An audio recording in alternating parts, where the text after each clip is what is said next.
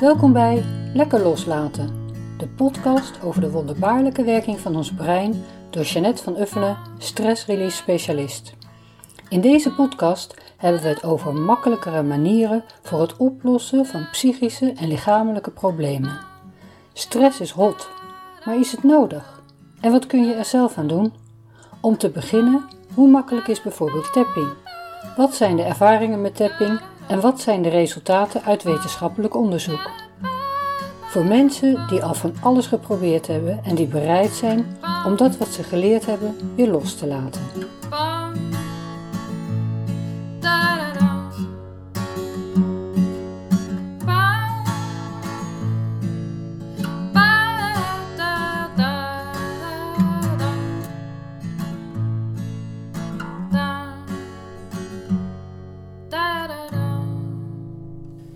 Deze podcast is speciaal voor hardwerkende, creatieve, ondernemende mannen en vrouwen. Vele daarvan hebben namelijk last van uitstelgedrag. Schuiven dingen voor zich uit, stellen uit, stapelen op, maken lijsten, maar maken hun lijstjes niet af. En dan gaan ze soms time management cursus doen of nog allerlei andere projecten waarin ze zich gaan richten op hoe moet ik dit nu nog beter doen. Dus ze gaan nog meer plannen of ze gaan plannen dat ze beter voor zichzelf moeten zorgen, zodat ze nog meer kunnen werken. Vaak zijn het ook perfectionisten, dus het moet allemaal heel erg goed. Maar ja, als je geen enkele dag van de week klaar bent met je werk, voelt dat natuurlijk helemaal niet als perfect. Maar dat is meer een gevolg. En de drijfveer is vaak wel dat deze mensen te veel willen doen en te vaak en vooral te goed. Of te goed, voor hen is het nooit te goed. Is het ook zelden goed genoeg. Dus er zijn hele hoge eisen, meestal aan zichzelf en aan mensen om zich heen.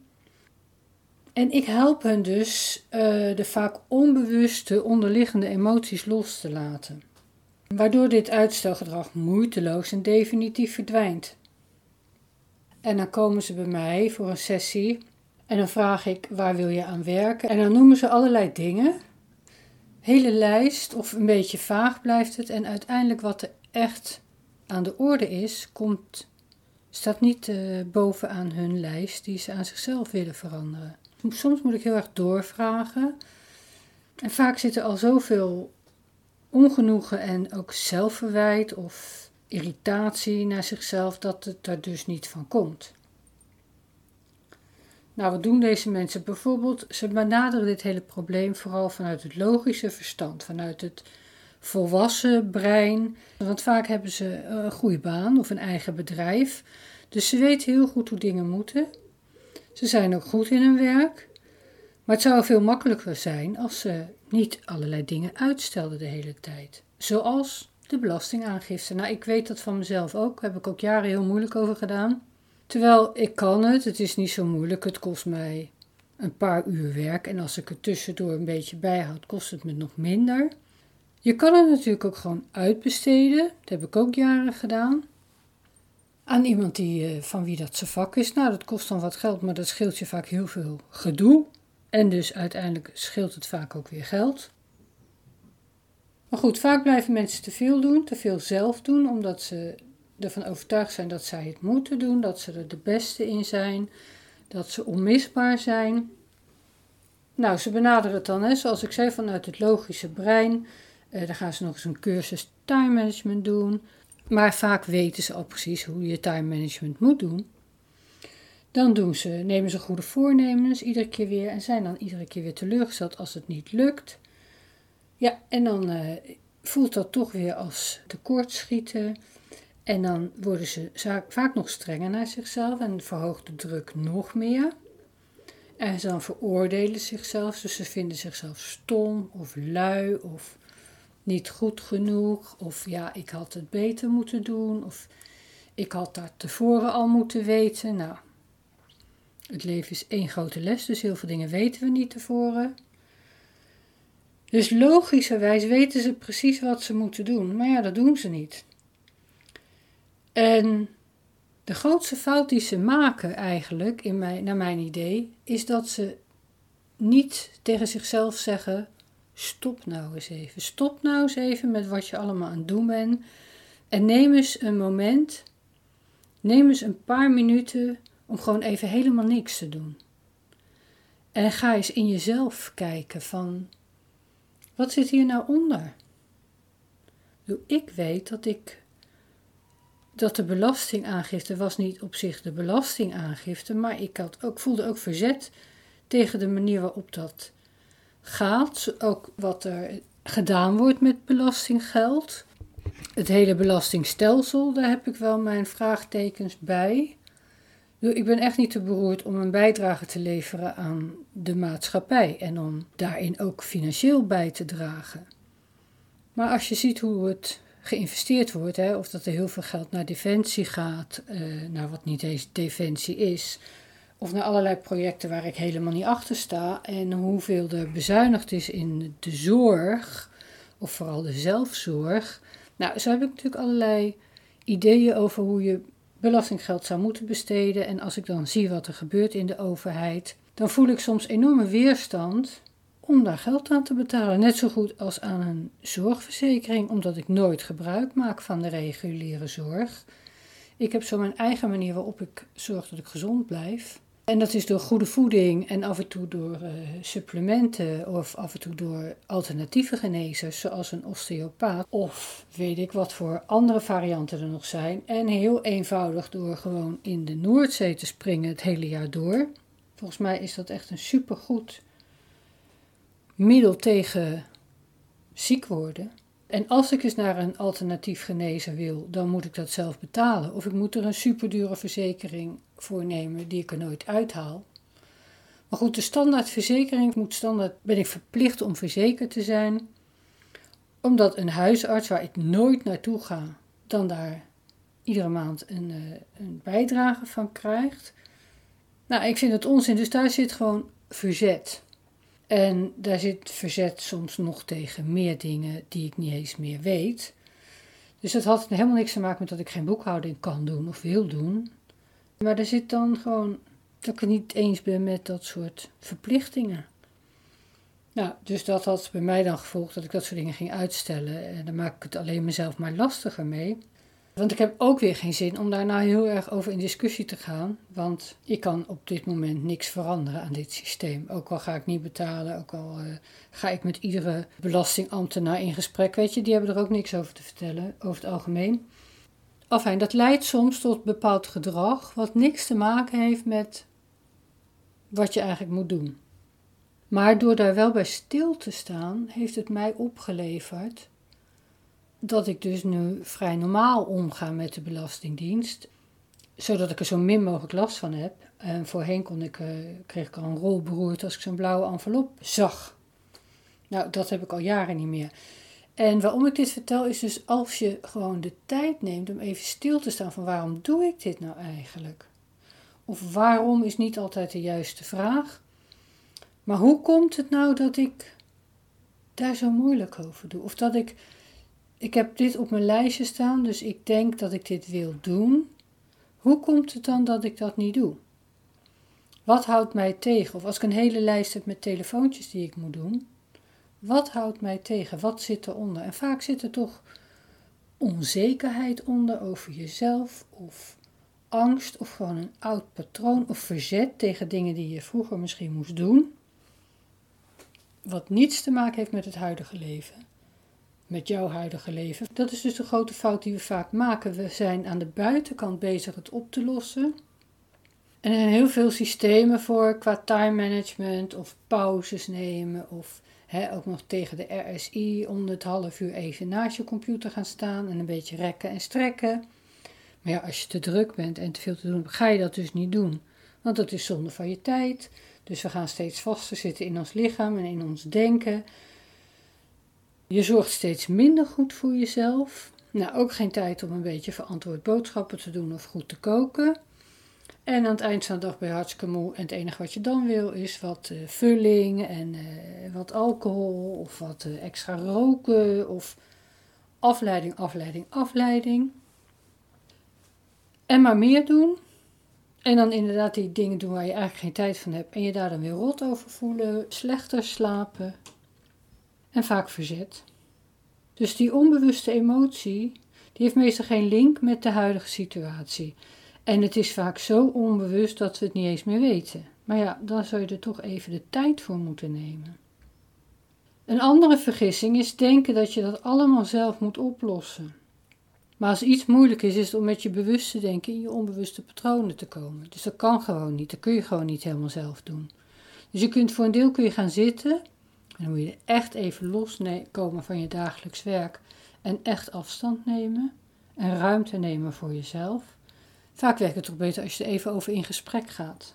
Nou, dat kan met mensen die daar speciaal uh, voor beschikbaar zijn. Maar dat kan ook vaak gewoon met een goede vriend of vriendin. Of met je partner of met een collega. Soms zelfs met iemand die je eigenlijk amper kent. We hebben elkaar nodig. Vaak heb ik dat ik iets aan iemand vertel en dan denk: Oh, denk je er zo over, Jeanette? Door dingen hardop uit te spreken of om dingen op te schrijven, worden ze vaak helderder en kun je er ook letterlijk op afstand naar kijken of luisteren. Maar vaak is ook dat we allerlei vooroordelen hebben en allerlei oordelen over hulp vragen. Want ja, we moeten het zelf kunnen en we moeten alles zelf oplossen.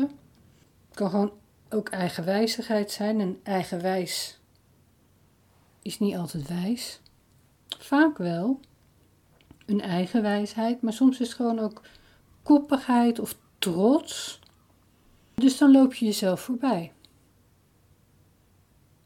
Wat ook heel vaak meespeelt is dat degene die uitstelt en die te veel werk heeft en overbelaster is, dat hij zo op anderen gericht is dat ze niet eens, of hij, niet eens toekomt aan zichzelf, aan de tijd nemen, aan deze vragen stellen.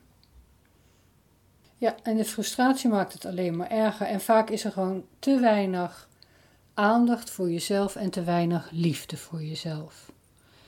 Dus je bent, je, stel je voor, je hebt een bedrijf of je hebt een baan. Dat ben je gaan doen omdat je ergens goed in bent. Dat vind je ook leuk. Maar de, de lol gaat eraf als, je, als daar te veel bij komt. En ik geef een voorbeeld van Sandra. Sandra is een klant van mij. En zij kwam uit Duitsland. Ze had online sessies bij mij gedaan. En ze is ook bij mij op een retraite geweest in Griekenland. En vorig jaar, net voordat het eigenlijk allemaal dicht ging, is ze bij mij een weekend geweest voor een weekendretraite. Een individuele retraite is dat. En toen kwam ze met een lijst. Dan had ik ook gezegd van nou, schrijf vast op waar je aan wil werken, wat je wil veranderen, dus waar je vanaf wil en wat je, waar je meer van wil. Zo kunnen we dat gewoon in, het heel, in één weekend oplossen. Want dat kan. Zeker als je helder weet wat je wil veranderen. En zij heeft toen een, later een testimonial geschreven en toen schreef ze... Doordat ik al online sessies en een retraite met Jeanette gedaan had, was er vertrouwen. Dus ik kwam naar Den Haag voor een individueel weekend. Geloof me, ik heb er geen spijt van. Ik had me voorbereid op de sessies met een lijst van onderwerpen waar ik in een bepaalde volgorde doorheen wilde werken. Ik geef toe, het lastigste stond aan het eind van de lijst. Maar alles pakte anders uit. Nadat ze naar mijn lijst luisterde, stelde Jeanette voor om me eerst te richten op de ongemakkelijke onderwerpen. Ik ben erg goed in rampscenario's maken en zaken buiten proportie opblazen, waardoor een situatie altijd erger wordt dan hij werkelijk is. Jeannette liet geen ruimte voor uitstel, maar hielp mij allereerst de moeilijkste problemen aan te pakken en deed zo snel mogelijk wat er gedaan moest worden. Hiervan leerde ik dat door mezelf direct te confronteren met wat mij het moeilijkst leek, ik kon ervaren dat het in werkelijkheid niet zo erg is als de plaatjes die ik maak in mijn gedachten. Aan het eind van de eerste dag was het zwaarste werk al gedaan. Hiervan leerde ik dat door mezelf direct te confronteren met wat mij het moeilijkst leek, ik kon ervaren dat het in werkelijkheid niet zo erg is als de plaatjes die ik maak in mijn gedachten. Aan het eind van de eerste dag was het zwaarste werk al gedaan. Ik voel me opgelucht en ik ben zo trots op mezelf. En uiteindelijk zei zij ook: hoe sneller ik iets aanpak, hoe sneller ik het oplos. En dat is het nadeel van dingen voor je uitschuiven. Het wordt er nooit beter op, het wordt alleen maar erger, want iedere dag komt die klus weer terug. Zit, staat die weer op je lijst, zit die weer in je hoofd. Ben je weer bezig met de weerstand die je voelt, omdat je ergens daar iets niet aan wil doen. En dan ga je allerlei andere dingen doen. Je moet bijvoorbeeld, uh, stel dat je, hè, een lastige klant moet bellen of, een, uh, of je boekhouder omdat iets niet helemaal klopt. En ineens moeten de ramen gezeemd en het hele huis gestofzuigd, ik noem maar wat. Of allerlei, hè, je archief opgeruimd. Mensen gaan dan allerlei andere klusjes doen. Ja, en voor je het weet is het weer avond en heb je het nog niet gedaan. En juist dat uitstellen en dat het iedere dag weer terugkomt, dat kost echt zoveel energie. En die had je al lang aan iets anders kunnen gebruiken. En als je dan strenger in wordt en het alleen maar zelf wil oplossen in je eentje, daar wordt het niet makkelijker mee. Dus dat is de grote bevrijding. En uh, er is zo'n voorbeeld, heb ik wel eens gehoord, het is een beetje een onfris verhaal. Dat is het verhaal van de kikker. Uh, je krijgt een heerlijk ontbijt van mij voorgeschoteld, alles erop en eraan. Verse sinaasappelsap, gekookte eitjes, uh, verse broodjes, Griekse yoghurt met honing en walnoten. Nou, noem maar op. Heerlijk, super lekkere koffie en thee. Maar er staat ook een uh, heel klein rauw kikkertje. En dan moet je ook opeten. Nou, dan is de vraag: wat neem je eerst? En het antwoord is: je, je neemt eerst die rauwe kikker. Want kijk, als je die hebt doorgeslikt, ook al is het heel vies, dan kan je van de rest genieten. En anders zit je bij iedere hap te kijken naar: oh shit, dat kikkertje moet er ook nog in. En zo simpel is dat ook. En ik heb dus jaren dit metafoor gebruikt. En ik had ook overal kikkers staan in mijn kantoor destijds. En mensen gingen mij ook kaarten sturen met kikkers erop. En toen ben ik een paar jaar die hele kikker vergeten. Uh, maar nu ik weer aan dit onderwerp dacht, dacht ik ja, het is nog steeds een heel simpel voorbeeld. Dus ja, wil je dat veranderen? Wil je minder uitstellen? Of wil je niet meer uitstellen? Wil je dat hele gedrag veranderen? Uiteindelijk ben ik ervan overtuigd dat de oplossing in jou zit. Dus het zit niet in nog meer eh, time management cursussen of nog meer lijsten of strategieën. De oorzaak van dat gedrag zit ergens in jouw onbewuste systeem. En het enige wat je hoeft te doen is eigenlijk daar even tijd voor te nemen en bij stil te staan. En kom je er alleen niet uit, dan ga je erover in gesprek met iemand. Misschien zelfs iemand die jou goed kent. Een broer of een zus of een partner of een goede vriend of vriendin. Want vaak weet je ook wanneer het begonnen is en heb je het niet je hele leven gedaan. Ja, en als dat niet genoeg oplevert, dan ben je natuurlijk van harte welkom bij mij. En wat ik vooral eens doe, is jou helpen zoeken. En dat gaat vrij snel. En daar heb je in 1 tot 3 sessies is dat vaak gewoon gepiept. Te kijken van hé, hey, wat zit eronder?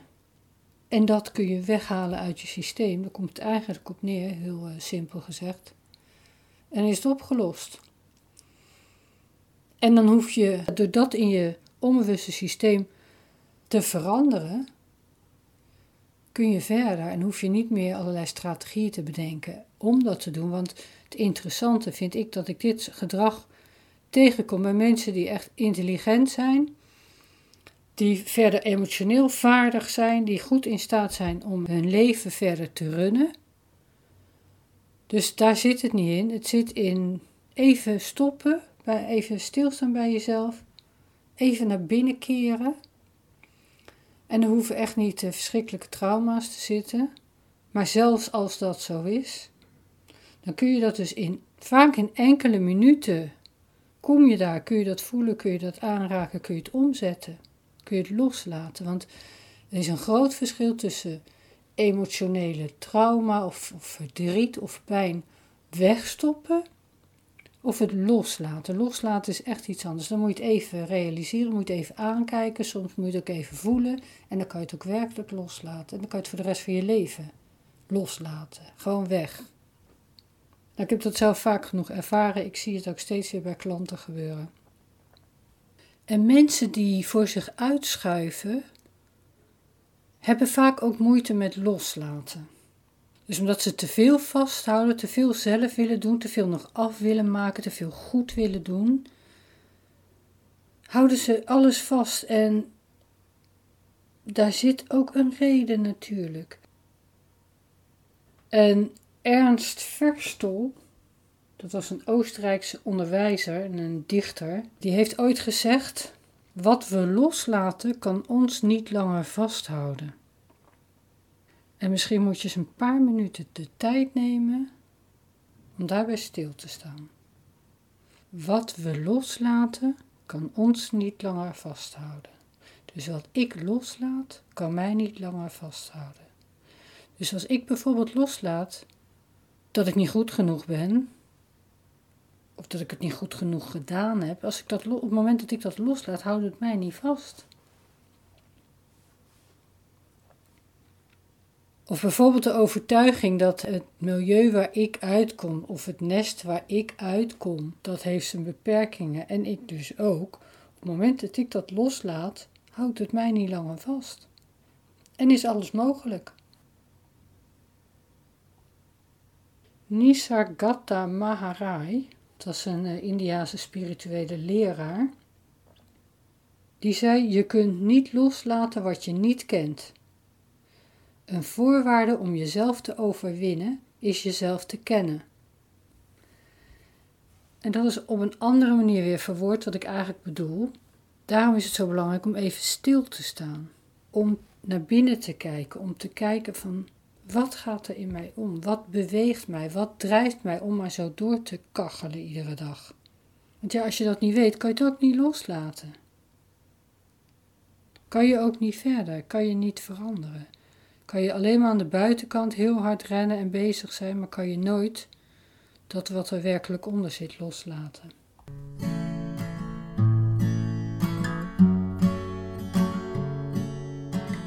Superleuk dat je geluisterd hebt.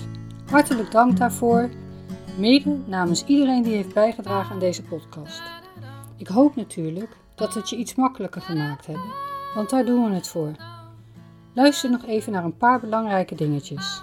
Wil je meer horen? Abonneer je dan op deze podcast. Volg hiervoor de instructies in de app waarmee je nu geluisterd hebt. En word jij een beetje blij van wat je hebt gehoord in deze podcast? Deel dan die blijdschap en geef ons een review. Dat is het voor vandaag. Nou, ik hoop dat je het interessant vond. En tot de volgende podcast. Dankjewel voor het luisteren.